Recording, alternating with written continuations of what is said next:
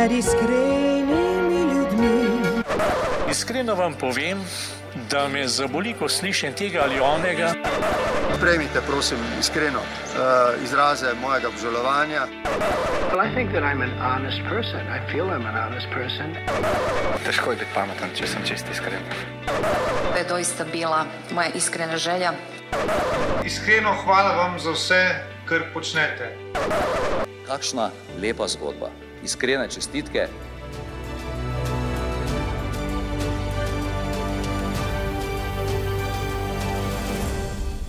Najprej pozdravljeni vsi poslušalci iskrenega podcasta. Z vami sem Andreja Barat. Obljubim, da bomo zelo iskreni, pa tudi zanimivi.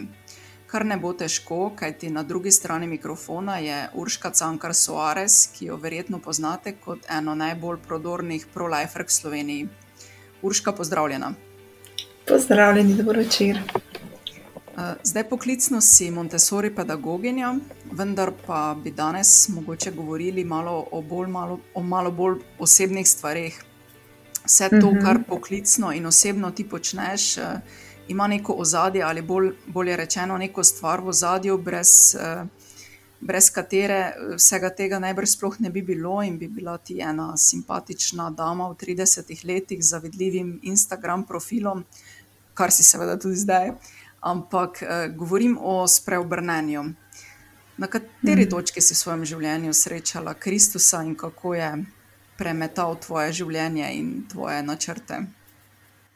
Ja, to, to se je pa zgodilo, um, ko sem bila stara okrog 24 let. -huh. Koliko let nazaj, to zdaj ne bom povedala. Ni treba. um, ne, se si hitro.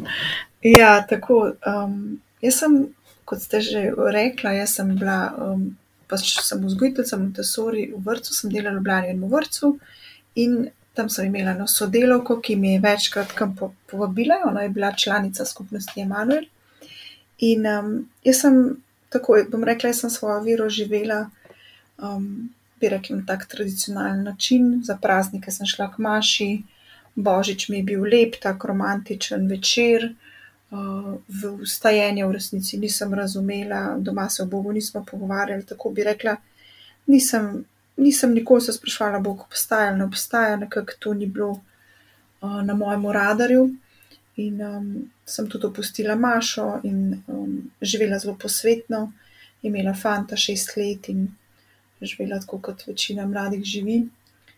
In um, ko sem pa delala v tem Montessori vrtu, je bila ena od mojih sodelavk, um, gospa Joži, in me je večkrat kam povabila. In sem se kar spretno otepala njenih uh, vabil, in potem me je pa enkrat povabila v Rim, uh, ki je bilo leto svetega Pavla. In so šli romat uh, po poteh svetega Pavla. Pa sem si mislila, no, v Rimu sem pa že bila prej, pa je kot tako bi rekla, vele mesto mi je bilo všeč in sem pa potem pristala. In uh, kar je bilo zelo zanimivo, je pa bilo to, da sem v bistvu ravno par tednov pred tem romanjem končala šestletno zvezo in sem si tako rekla, no, evo, se to je res. Uh, te verske stvari so za take obupance, ne? to je bila moja ideja, da je to za take, ki imajo ali preveč časa v življenju, ali so stari, kot v crkvi pogledaš, večinoma ne se ti zdi tako. Ali pa za obupance. Nisem si rekla, no, evo, se, seveda, jaz zdaj pašem v ta, v ta okvir. Tako je. In um, potem, ko sem šla na to romanje, me je pa res presenetilo vse. Ne? Prvo, da ni bilo, večinoma so bili mladi ljudje, šlo nas je en avtobus in začeli so slaviti. Jaz sem prvič to videla, meni je bilo kar, bi rekla, kar uh, prijetno, že takoj v štartu. In ker sem imela rada glasbo, tudi moj oče je pač glasbenik in smo imeli doma veliko glasbe. Um, in mi je bilo to zelo všeč. In potem, ko smo pa prišli v Rim, je bilo tam okrog 100 mladih iz več evropskih držav. In smo preživeli en teden skupaj, smo imeli vsak dan slavljenje, šli smo po teh Pavlovih poteh, imeli smo super predavanja. Predvsem pa me je ganilo to, da sem se lahko s temi ljudmi pogovarjala, pogovarjala, pogovarjala, pogovarjala o takih vseh življenjskih temah. In bi rekla, da je moje sprobrnenje tako šlo preko, um, preko ene pristnosti ljudi, no, bi rekla to. In um, potem me je začelo vse zanimati, kdo ti ljudje so, kaj delajo. In tako so me potem tudi povabili, ko sem prišla nazaj v Slovenijo, so me povabili na eno srečanje, mladinsko skupino, katero so organizirali. Se reče, takrat se rekla šola Abram, danes se reče Lumen, ki ga pripravljajo mladi skupnosti Emanuel. In sem se s tisto veseljem pridružila, in tako se je tudi začela ta moja želja po brati stvari o Bogu. In če se spomnim, zaporedje prvih par knjig, prva je bila ena knjiga od, od Brezi, o tem čudežu na Brezijah in potem uh, Patru Pil. To me je zelo, moram reči, zelo šokiralo, da se je to tako nekaj let nazaj zgodilo in tako blizu nas. In potem so bila Pavlova pisma, svetega pisma in vse te tri knjige so me tako. Se mi zdi, da sem preko njih dobila ta dar vere, da sem rekla, ja, jaz to verjamem, verujem, da je to res. In od takrat naprej sem potem tudi uh, drastično spremenila svoje življenje, začela sem hoditi vsak dan k maši, um, opustila sem grešne navade. Um, tako, no, tako da res se je moje življenje obrnilo za, za popolnoma okrog in sem res Bogu res hvaležna, ker je se obrnilo res na bolje. In, In tako, no, tako bi rekla. Zdaj, potem, če sem prav seznanjena, si se udeležila tudi šole za evangelizacijo v Rimu pozneje. Tako je. Ja. Jaz sem potem pri teh svojih 24, ko je bila v bistvu vse moj svet, je bil, bila Montessori pedagogika, sem bila res sem no, in sem bila, bi rekla, tako zelo zaljubljena v, ta, v, v, ta, um, to odkritje Montessori pedagogike, ker je res nekaj čudovitega za otroka. In potem pa kar naenkrat, ne, pač bila sem zaposlena, redno v redni službi. In, in, ampak ta želja povedati, kdo Bog je, je bila tako močna v meni, da se mi zdelo, da, mm, da nisem prestara za to, da grem, da si vzamem čas za Boga. In potem, ko sem videla, kako lepo mi je bilo v tej šoli Abram, sem na koncu leta zahrepenela, da bi se to nadaljevalo. Ne.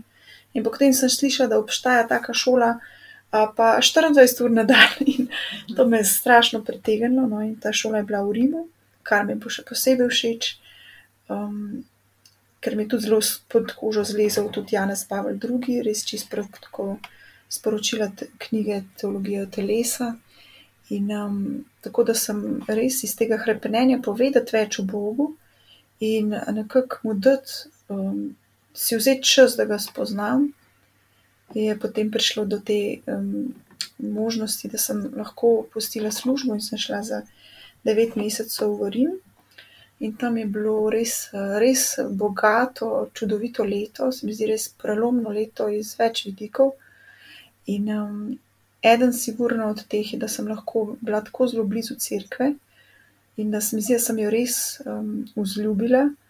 Um, ko sem videla, smo tudi obiskovali tam različne kongregacije v Rimu, imeli smo tudi profesorje iz, um, bi rekla, iz um, Vatikana, iz Rima, tako res smo imeli dobro formacijo, hkrati pa tudi misijone, um, nekaj v Rimu, nekaj tudi v tujini.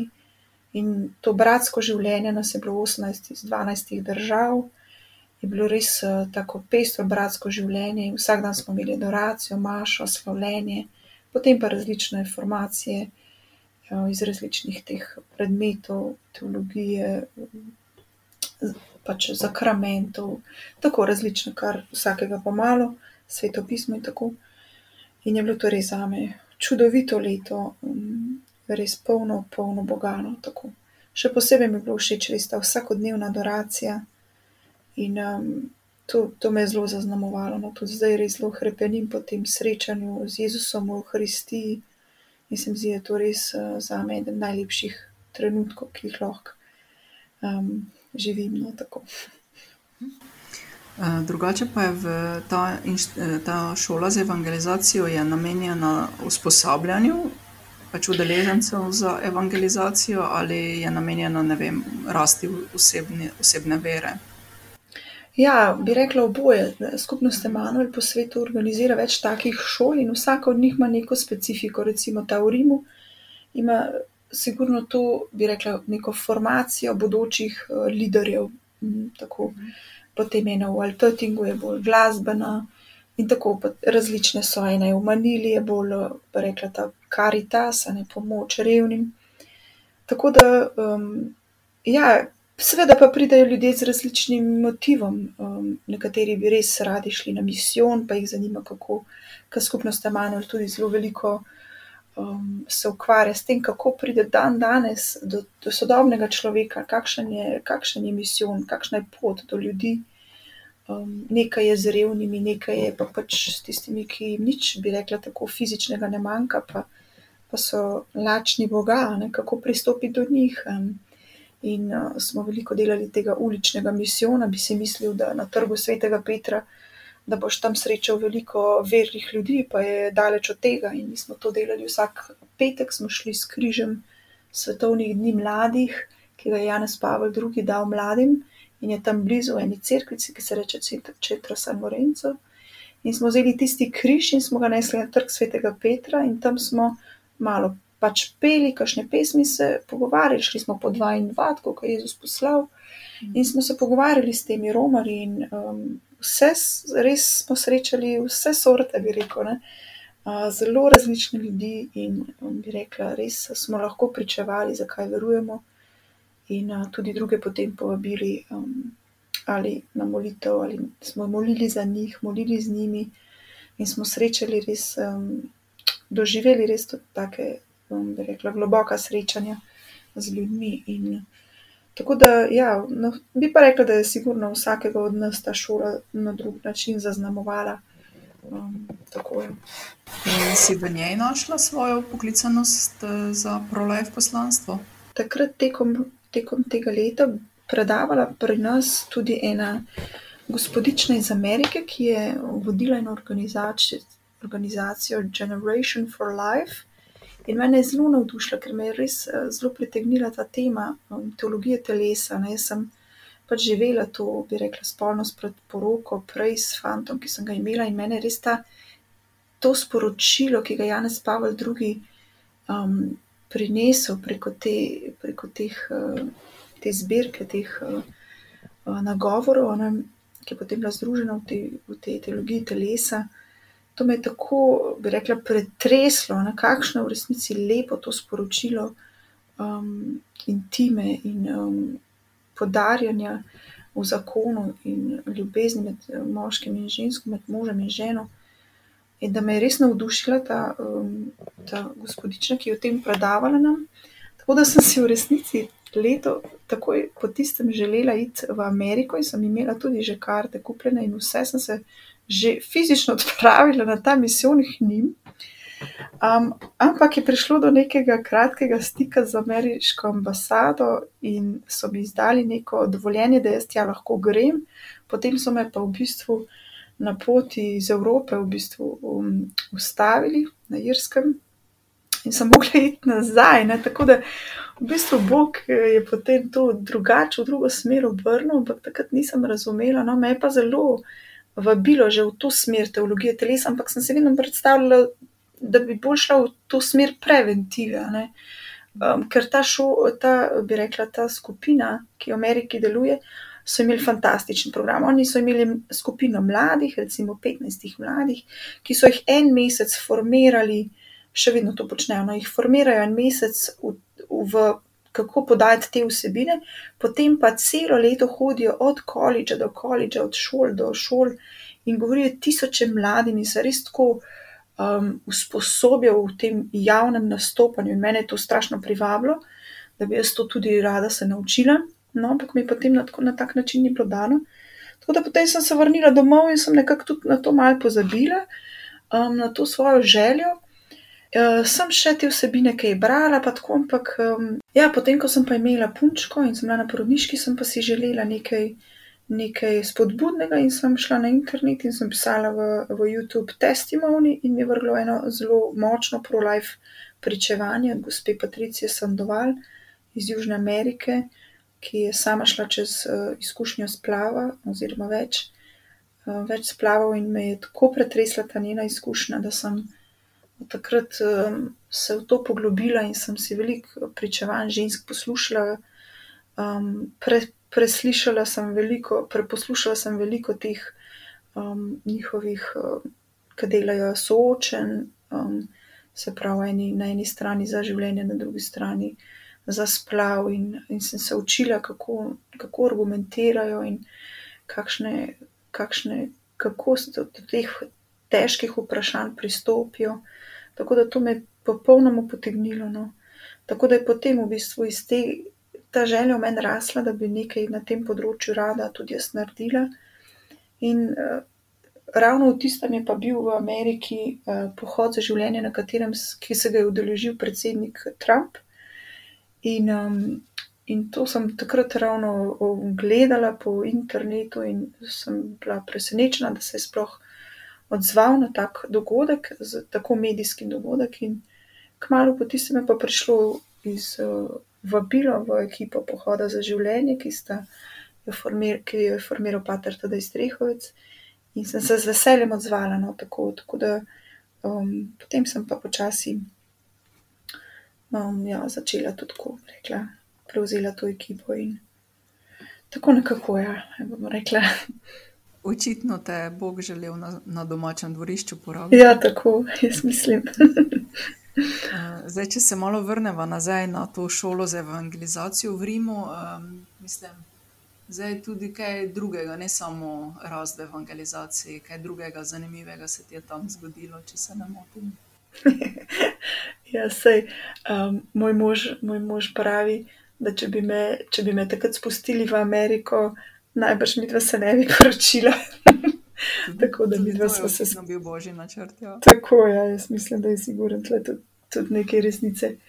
Um, ja, ker, ker sva mi, da v bistvu kmalo po tistem, da sva se spoznala, seveda v tej šoli in so v bistvu kmalo po tistem um, začela razločevati, pa sva za skupaj ali nisva, sva si vzela. Um, par mesecev tišine, brez komunikacije, ker ta šola je le neke vrste, bi rekel, tako mehurček. Predstavljajte si, da, da živiš devet mesecev ob dan s samimi kristijani in vse nekako tako, bi rekla, vidiš z očali um, kristijanov in potem priješ v realno življenje in um, pač ne moreš nekako uh, padati nazaj v, v vsakdanji ritem. Tako da sva si vzela nekaj mesecev premora in potem sva razločevala. In sva, sva se potem še enkrat dobila zelo romantična najna zgodba. Jaz se spomnim, ko sem bila, ko sem bila stara, ne, ko sem na začetku povedala, da sem bila stara 24, ko sem končala šestletno zvezo z enim fantom. Potem sem si takrat rekla, ja, če bom jaz še kdaj najdla koga, ne zdaj, da sem že tako le, ne pri teh letih. Jaz sem si mislila, da bom imela pri 27 že otroke in ne vem kaj. in potem sem, sem si zmeri želela, da bi imela zelo romantično zgodbo. Ne? In um, In uh, moram reči, da Bog me presenetil, no, da, da sem še celo včasih se hecala in rekla možu, da je še celo malo preveč romantičen za moje standarde. Tako da mi dva sva se spoznala v Rimu in potem sva, um, ko sva nehala razločevati in sva rekla, ne moramo si zdaj po telefonu povedati, ja, bova par ali ne bova, ne? in sva rekla, da je se dobiti spet v Rimu, ne? tako da sva šla oba v Rim. In so potem na trgu svetega Petra se zmenila lepo romantično, da bi bila rada skupaj in da bi bila rada začeti pač fant in punca. Tako da um, je bilo lepo. No. Ni bilo brez bojev, moram reči, so bili tudi kar boji. Vmes, mislim, si bi predstavljala, da bo vse ne, šlo gladko, ampak je bil tudi kar umenjen tak boj um, sem imela tudi eno tako, bi rekla, negativno izkušnjo um, strani ene posvečene sestre, ki je v bistvu, ko smo mi dva s, s fantom že kar nekaj časa bila par in sva bila tik, mislim, je bil on pred tem, da me zaprosi. Je bil pa v meni ta boj, ker ona je dobesedno, tako bi rekla, šla čez neko mejo in me, in me um, mi govorila, da ni, ni vsak, ki, ki uh, se pripravlja na poroko, ni še vsak poklican, da se poroči in tako. In je v meni usajala tak en velik dvom, ker kljub vsemu pa je bila v meni vedno ta želja po večji bližini z Bogom, po neki kontemplaciji, po, um, po molitvi in tako. In, um, potem sem bila zmedena, nisem vedela, kaj se to pomeni. Ja. Potem nisem za poročiti, če imam to željo v sebi. Ne. Tako da so potem sem, sem šla na eno, um, sem si našla potem duhovnega spremljalca, ki sva potem skupaj to razločila in um, me je zelo lepo vodil. No. Um, ena stvar, ki mi ostaja, je da je rekel, če, uh, da sveti duh uh, ni strašilo, da on ne pride tako, a bu, tukaj sem, gledajte me, ne. da on tako nežno še peta in nežno govori v srce. In um, da hudi duh na drugačen način, ne, da, da nemir, prinaša nemir, prinaša neke senzacije in tako.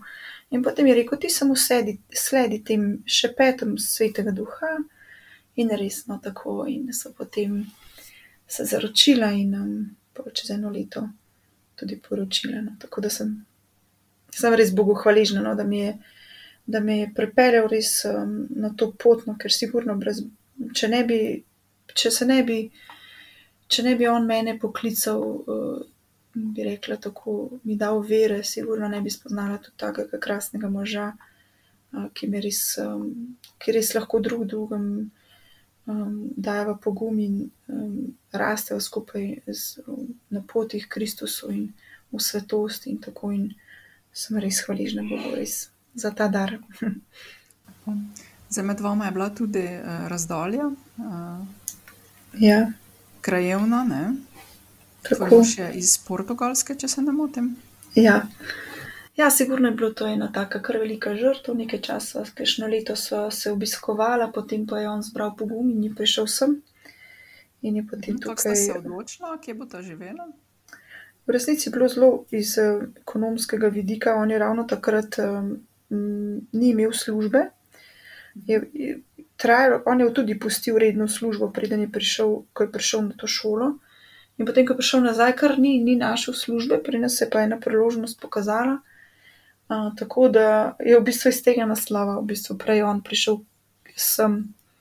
Um, pa smo zdaj hvaležni, no, da so tukaj, ker kljub vsemu je življenje za družine v Sloveniji dosti bolj prijazno, kot kar v, na portugalskem. In. In, um, in se tudi zelo lepo vklopil, in mu je všeč naša Slovenija, narava in ja, jezik, malo manj, ampak drugače pa se mu gre že kar dobro. Koliko let ste že poročena? Šest let, ja. Potem smo se pa na Brezjah poročila, ja, 2016 Aha. in zdaj imamo tri lepe. Uh, Ja, tri otroške, no tako. Zelo te je navdihovalo, pa te še navdihuje uh, ta pro-life tema. Kako si sama doživljala svoje materinstvo, ko si postala, ko si postala mama? V prvi, mislim, v prvi vrsti bi rada še mogoče pričevala eno stvar, ki mi je bila tudi uh, tekom te šole za misijon, je Bog tudi en konkreten čudež naredil. Uh, jaz sem po tistem, ko sem, ko sem bila v zvezi s tistim prejšnjim fantom, sem, um, sem bila tudi, uh, sem tudi uporabljala kontracepcijo. In po tistem več let, pet let, nisem sploh imela nazaj, bi rekla, tako redne, rednih ciklusov in jaz sem tam pač bila zelo, um, imela rada Jana za Pavla II. In sem tam na grobu njegovem v baziliki svetega Petra veliko molila tudi za to, da bi se to uredilo, da bi lahko nekoč imela otroke. Tako se mi zdelo, da, da mogoče ne bom mogla imeti, če, če je tako. Ne? In res sem um, potem enkrat um, molila. Eh, bolj, bolj intenzivno in sem res na, na, veliko, no, na veliko nočno nedeljo, so se mi povrnili ciklusi in od takrat naprej je um, bilo vse v redu. Tako da sem bila res tudi eh, Bogu res hvaležna, ko sem tako na hitro lahko takoj po poroki zanosila. V bistvu sem si želela še malo odložiti nosečnost, da bi se bila spoznala, pač kot mož in žena, pa, pa je Bog takoj poslal našega Faustina. Um, tako da smo ga tudi potem poimenovali Faustin, um, ker je tudi bil rojen v letu Božjega usmiljenja in nam je res to sporočilo Božjega usmiljenja uh, tako zelo blizu in, um, in smo ga doživeli kot en velik dar. Tako da um, kot vzgojiteljca moram reči, da me moji lastni otroci jasno um, učijo, učijo, učijo. učijo. Prej sem drugim staršem dala na svete, kako in kaj, zdaj bi si moram drugače, dala drugačne na svete. Moram reči, da sem naredila in bi rekla tako eno kar precejšno pot ene ponižnosti v tem, kar sem mislila, da zelo dobro vem, pa, pa, bi, pa, pa bi zdaj mogoče bila veliko bolj usmiljena s svojim, z starši, recimo tako, če bi bila še naprej vzgojiteljca. Um, predvsem pa si nikoli nisem mogla, ne bi mogla misliti, da lahko pri tako toliko ene ljubezni doživiš pri otrocih, sploh zdaj, ko imamo tretjega otroka. Ko prve dva sta že tako večja, um, sta stara pet let, pa štiri, sta bila zelo skupaj, in potem ta mlajši je star eno leto. Koliko ene ljubezni si skažejo, um, to me zelo, zelo, um, bi rekla, um,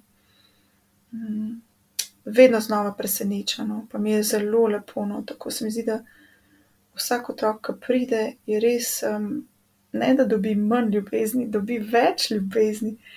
In to je meni res lepo. No. In, um, ja, sem res hvaležna in srečna, da sem lahko um, tudi z njima doma. Um, tudi se je potem nam življenje tako obrnilo, da smo se odločili, da bomo kar jih imeli doma. In res, uh, ja, ni lahko, ampak rekla, je pa zelo, um, bi rekla, poplača ves ta trud in um, žrtve, no, ki jih pač moramo, sigurno. Um, Sigurno so neke žrtve, da lahko ob eni plači živimo in tako, ampak um, sem tudi zato zelo hvaležna, da nam Bog, nas Bog blagoslavlja na tak način, da lahko na tak način živimo. Ker roko na srce se mi zdi, da mi je prav iz tega naslova, da sem doma, um, nekako tudi vzniknila ta želja po, po, večji, po večji aktivnosti, po večjem udejanjenju v tem pro-life misiju. Se mi zdi, da če bi bila res na polno upeta v eno službo, bi verjetno si težko predstavljam, da bi se lahko toliko dala na razpolago. In um, tako, evo, to. Zdaj, poslanstvo ProLife oziroma misijo ProLife je veliko krat takšen, da je veliko dela, rezultatov pa tisti, ki največ dela, pravzaprav ne vidi največkrat. Včasih pa vendarle imaš morda kakšno močno zgodbo ali pa pričevanje, ki ker takšne so potem še posebej v navdih vsem, ki delajo na tem področju, pa tudi tistim, ki se srečujejo s takšnimi težkimi življenjskimi situacijami. Ja, um, sigurno je ta to vrsten misijon, ki ga mi delamo. Um, se, mi nimamo, tako bi rekla, stika ena na ena z mamicami in z očeti, uh, ker v prvi vrsti nekako delamo, rekla, na tem javnem nivoju da čim več ljudi sliši ta sporočila, um, in nismo nekako usposobljeni za to delo, bi rekla, svetovanja in um, bi rekla, bolj, bolj ena na eno. No. Um, se pa tudi, uh, se pa tudi, se pa meni največje zadovoljstvo, bi rekla, zdaj trenutno predstavlja to, da se, da se mladi veliko odločijo, da bi sodelovali v tem misijonu, da jih to privlači, da da bi radi tukaj nekaj naredili, da bi se radi naučili in se nam veselo pridružujejo v naši eh, skupini Mladi za življenje. Tako da to je sigurno, ne bi rekla, sad zadnjega leta. Bi pa mogoče še podelila um, eno zgodbo. Uh, v tistem prvem, prvem mesecu, ko me je zelo zagrabila ta želja, da bi nekaj spremenila, in se mi zdelo, da v bistvu dosti ne morem, ker sem bila doma, na porodniški in pač eh, veliko teh obveznosti v hiši, in tako imaš občutek, da nič kaj dosti ni. In sem rekla, noč bom pa probala kaj po internetu, ki in sem šla na Facebook in sem mm, poiskala eno skupino, sem napisala noter abortion in mi je vrgel nekaj skupin in se v eno od njih prijavim. In sem bila zelo, bi rekla, tako šokirana.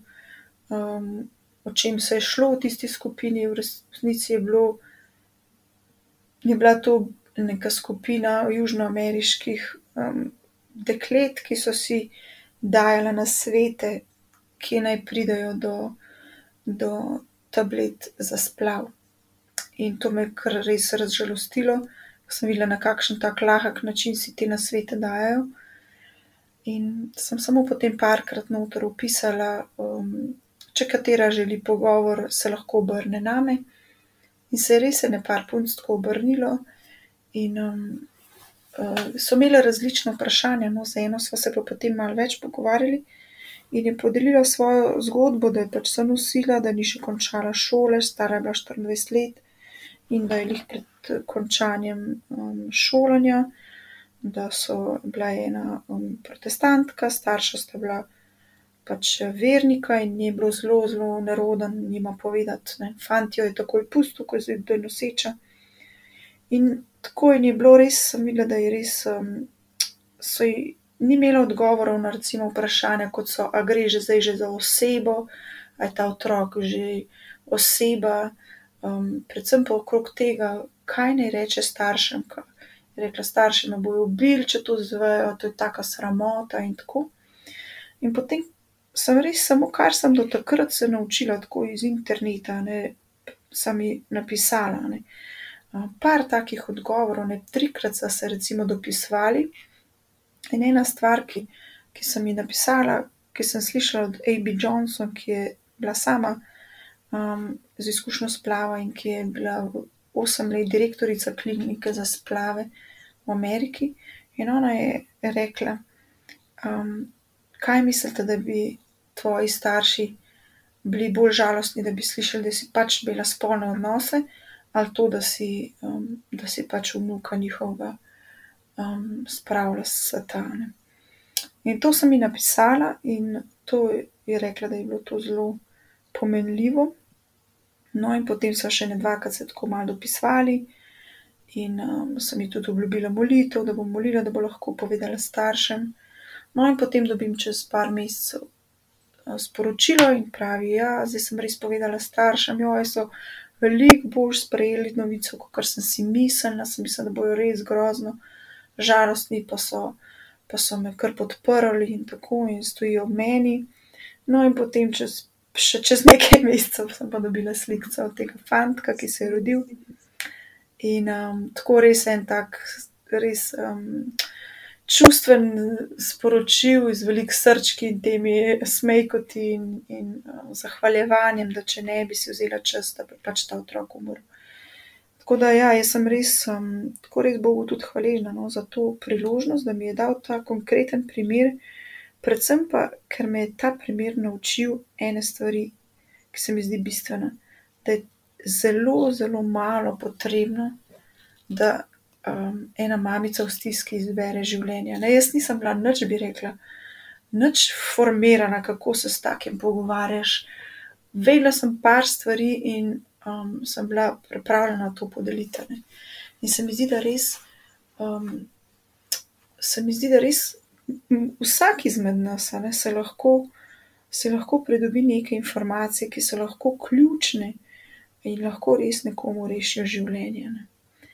Um, tako, ja, to, no, to bi rekla. No, pa tudi, uh, bi pa, pa še en tak mehen primer povedala, ki pa nimam jaz nič zveze s njim, ampak um, bi res mogoče lahko to spodbudilo koga od poslušalcev, če bi se nam kdaj v prihodnosti pridružil na pohodu za življenje.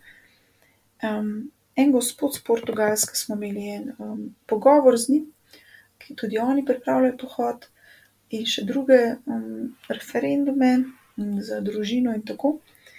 In on je rekel, da je enkrat so imeli neko akcijo, ne vem, zaradi kakšnega referenduma, in so imeli na enem plakatu nekaj napisano, uh, zdaj jaz točno ne vem, kje besede so bile na tistem plakatu. No, in čez nekaj, sploh ne kmalo po tistem, ampak čez kar dolgo časa je prišla do njih ena gospa in je rekla: Zaradi tistega plakata, ki sem ga jaz videla v medijih, sem izbrala življenje svojemu otroku. Ne. In to je mene res tako ganilo in spodbudilo, ne, da, um, da res preprosto s tem, da, da smo tam, da se da se pokažemo, da gremo na ulico, lahko res komu rešimo življenje, pa lahko mogoče zato niti nikoli ne bomo vedeli. Ne? Um, lahko zaradi tega, ker bo, ker bo nekdo um, videl, ker vas bo nekdo videl in prepoznal, pa bo mogoče kdaj prišel pa vprašal, zakaj pa ti tako misliš, zakaj pa, zakaj pa se strinjaš. Um, zakaj, se, ja, zakaj si na tej strani, zakaj misliš, kar misliš? Ne? In se mi zdi, da to je res um, um, priložnost, no, um, da, da, da se spremenjajo srca, da ljudje pridejo do informacij, predvsem pa da ženske dobijo prave informacije in pa da začutijo, da niso same. No. Jaz si res želim, da bi s tem pohodom sporočali, predvsem ženskam, da niso same, da, da imajo uh, podporo, čeprav nam mogoče na prvi oči zgleda, kot da, um, da smo. Um, veliko nam reče, ja, pa ne mislite, da s tem se ženske čutijo obsojene. Ne? Um, ampak je ravno obratno. Ne? Se mi zdi, da ženska, ki je v krizni osečnosti, ona si želi, da še nekdo, ki ona v srcu čuti, da je to njen otrok. In ona, jaz mislim, si ona želi, da še kdo ji da potrditev, pa se to je res otrok, to je tvoj, to je tvoj človek, mali, ne, dojenček. Ne. In tudi tista, ki je že naredila splav, da, da sliši še od nekoga, da je ta njen otrok bil nekaj vreden. Ne. Um, zato tudi prihajajo gospe po splavu na pohod. In um, tako no, in se mi zdi, da res, ne, je, to res en tak lep misijon in lahko res povabim tudi poslušalce, da se nam pridružijo. Um, so se zelo mladi, tista skupina, ki si prej omenila, uh, mladi za življenje, kje, kje vas najdejo? Ja, um, res najlažje je, da pišete na pohod za življenje afnagamil.com. Um, najdete tudi na spletni strani pohod za življenje.si, najdete kontakte in a, boste lahko prišli do nas ali pa na Instagramu, imajo mladi delo Instagram, pohod za življenje. Tako da, ja, ne bi smel biti problem jih najdete. Zdaj jih formirajo novo ekipo za naslednje leto, imajo okrog 20 um, mladih, ki se zbirajo, večinoma v Ljubljani in um, bo zelo veseli še koga. Drugače, starostno so nekako tam, bi rekla, srednjošolci in pa um, študenti, tako da kar dobrodošli še kakšni mladi zraven. Kot pa tudi v našo okrovno ekipo, res. Um, Vse jaz verjamem, da, da poslušalci um, vašega portala imajo že veliko stvari v svojem življenju ne, in si mislim, ja, ampak zakaj nekdo rab še dodatno vabilo še nekam, a ne vsi smo polno zaposleni. Ampak tako res se mi zdi, da, da, da če je kaj bolj osnovnega kot to, da se borimo za življenje, mislim, da je to res nekaj najbolj, tako bi rekla, res ena najbolj osnovna stvar. Osnovna v smislu, vse, če imaš življenje, imaš sploh lahko še kaj drugega, drugače pa res ne moreš imeti nobene drugega veselja ali pravice ali karkoli boš temu rekel. Um, tako da res jaz mislim, da, um, da se, da, da Bog sigurno kliče več ljudi tudi v, ta, v to poslanstvo ali pa v, v kakršno koli drugo pro-life skupino ali v zavod živim ali um, pač druge skupine, ker jaz mislim, da res um, je veliko dela. Ne. Veliko dela je še za narediti, ker v resnici mi moramo um, priti do src ljudi. Do src ljudi pa težko pridemo z eno ekipo, desetih bi rekel, ampak s tem, da, da se počasi vsi, ki enako mislimo, okrepimo v tem, v tem prepričanju in potem bomo lažje um, nagovorili koga okrog sebe. No. Tako da um, ja, dobrodošli, no? da se nam pridružite ali pa tudi, kot sem rekla, komu drugemu. Urška, hvala za tvoj čas in predvsem za to, kar delaš. Ja, bo, hvala. hvala za povabilo in za, za tale večer.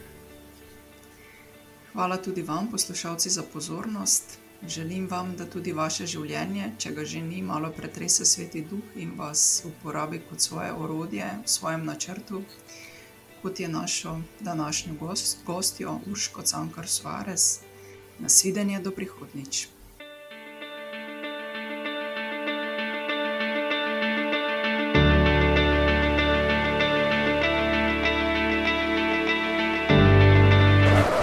Med iskrenimi ljudmi.